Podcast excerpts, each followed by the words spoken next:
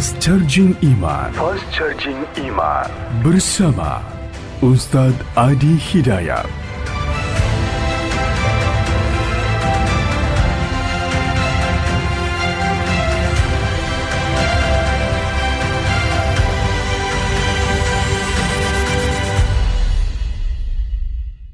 Alhamdulillah Allah masih memperkenankan kita hidup sampai hari ini dengan membawa keimanan di dalam diri kita. Semoga dengan itu semua Allah ridha sampai dengan kehidupan kita pada hari ini karena tidak sedikit orang-orang yang disebut oleh Allah dalam Al-Quran mengalami kerugian karena tidak membawa nilai iman dalam dirinya.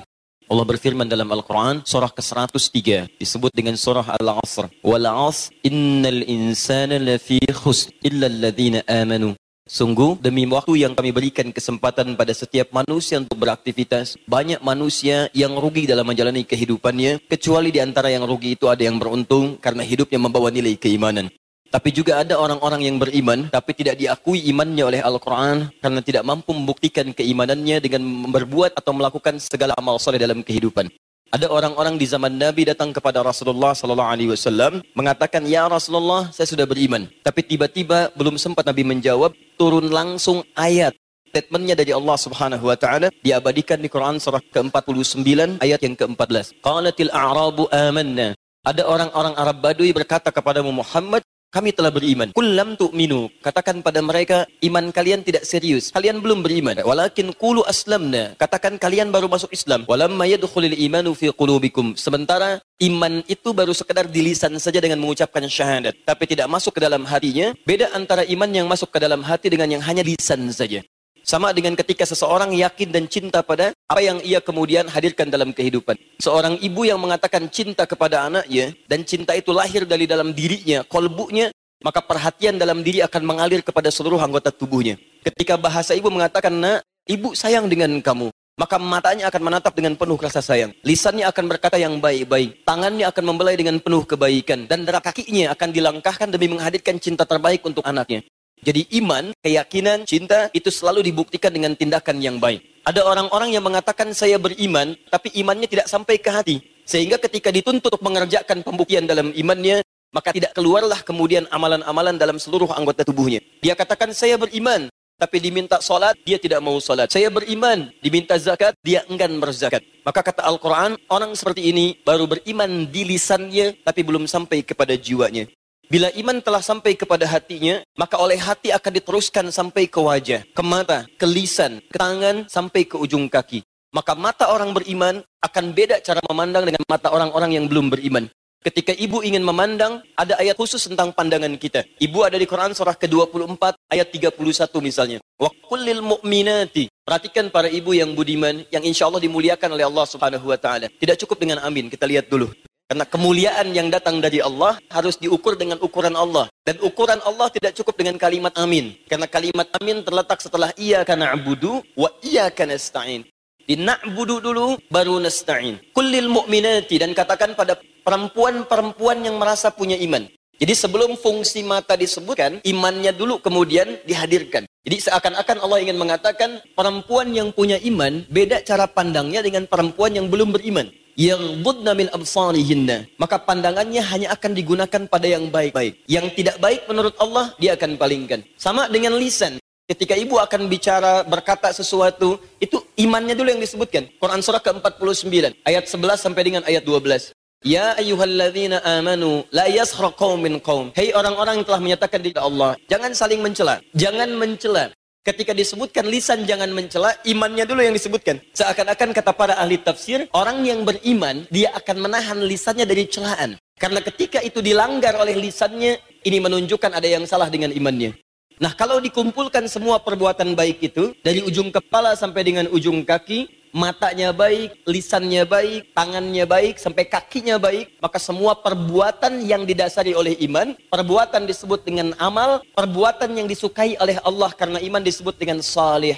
Maka muncullah kalimat salih. Disatukanlah kemudian di surah itu, illalladzina amanu wa amilus salihat. Kecuali orang-orang beriman dan mau membuktikan imannya dengan mengerjakan semua perbuatan yang baik menurut Allah. Disebut amal saleh. Iman dan amal soleh ini, inilah yang mengantarkan kita insya Allah mendapat berita gembira, jaminan surga bahkan sebelum wafat. Jadi ada kalangan manusia yang diberikan kabar gembira langsung oleh Allah sebelum wafatnya dia sudah mendapat jaminan dari Allah mendapatkan surga.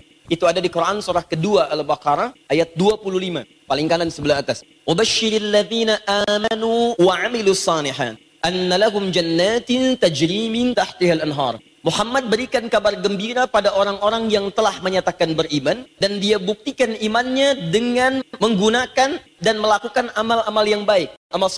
Ibu beriman, ibu beramal saleh, kata Allah berikan kabar gembira pada orang-orang ini, annalahum jannatin tajri min tahtihal anhar. Kami akan siapkan bagi mereka surga dengan segala keindahannya. Ada orang belum wafat sudah dapat kabar gembira, orang ini akan masuk surga dan dengan segala keindahannya. Sungai yang mengalir, kenikmatannya. Siapa orang ini? Orang-orang yang beriman dan beramal saleh. Dan masya Allah, di antara ciri orang beriman dan beramal saleh disebutkan oleh Nabi Sallallahu Alaihi Wasallam salah satunya dia tidak sengaja atau tidak cepat mengerjakan perbuatan baiknya sebelum didasari oleh dasar pengetahuan pengetahuannya. Maka di antara ciri orang-orang beriman yang ingin mewujudkan amal solehnya, maka dia gemar dengan majlis ilmu. Dia dengar datang ke kajian. Dia senang datang untuk belajar. Maka ketika dia datang untuk belajar, Nabi langsung keluarkan satu hadis yang menjamin setiap langkahnya akan mempercepat ia masuk ke dalam surganya. Itu ada di Ibnu Majah nomor hadis 233. Riwayatnya dari sahabat Abu Darda radhiyallahu taala anhu. Perhatikan kalimatnya Man salaka tariqa yaltamisu fihi ilma sahhalallahu lahu tariqan ila jannah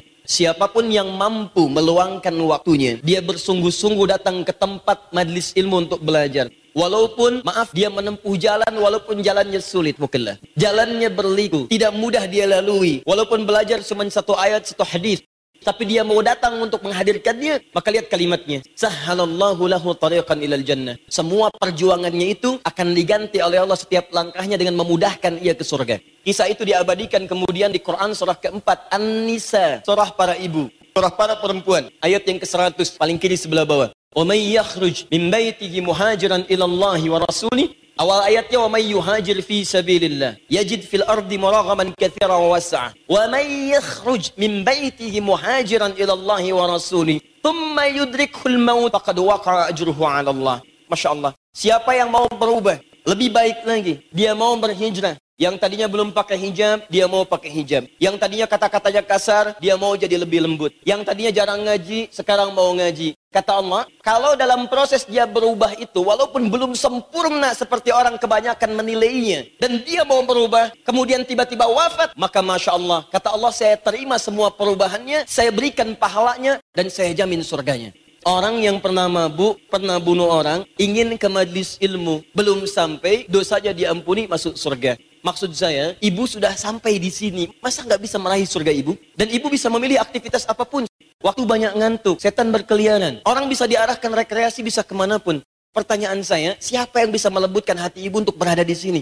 Ibu nggak jawab juga saya tahu. Saya nggak pernah ngundang ibu. Ibu, ada yang lembutkan hatinya. Ringankan langkahnya. Kenapa bisa anda ke sini? Banyak perempuan lain mendapatkan informasi, berat langkahnya untuk hadir. Tapi anda bisa ada di sini. Kalau Allah tidak berkehendak ibu menjadi baik, maka mustahil saya pikir ibu berada di sini. Jadi maksud saya, dari sekian perempuan yang hadir di muka bumi saat ini, ketika langkah ibu yang diringankan Allah, hati anda yang dilembutkan anda berada di sini, tapi belum bisa meraih surganya, ada yang salah dengan kehidupan kita saat ini. Maka dari itu bersyukurlah pada Allah subhanahu wa ta'ala, tapi persoalannya tidak semua orang yang hadir pun untuk belajar bisa mendapatkan syurga dari Allah karena ada satu syarat lagi yang menjadi pelengkap dalam semua amalannya. Itu terdapat di Quran surah ke-98 ayat yang kelima. وَمَا أُمِرُوا إِلَّا لِيَعْبُدُوا اللَّهَ مُخْلِصِينَ Dan tidaklah diperintahkan mereka untuk beribadah kepada Allah. Salat ibadah, baca Quran ibadah, maaf sekarang kita taklim pun itu ibadah,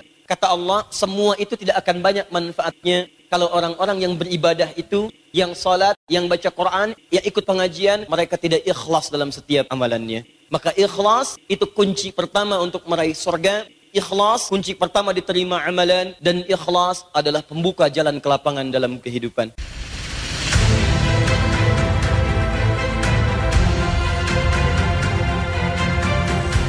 Fast Charging Iman. Fast Charging Iman.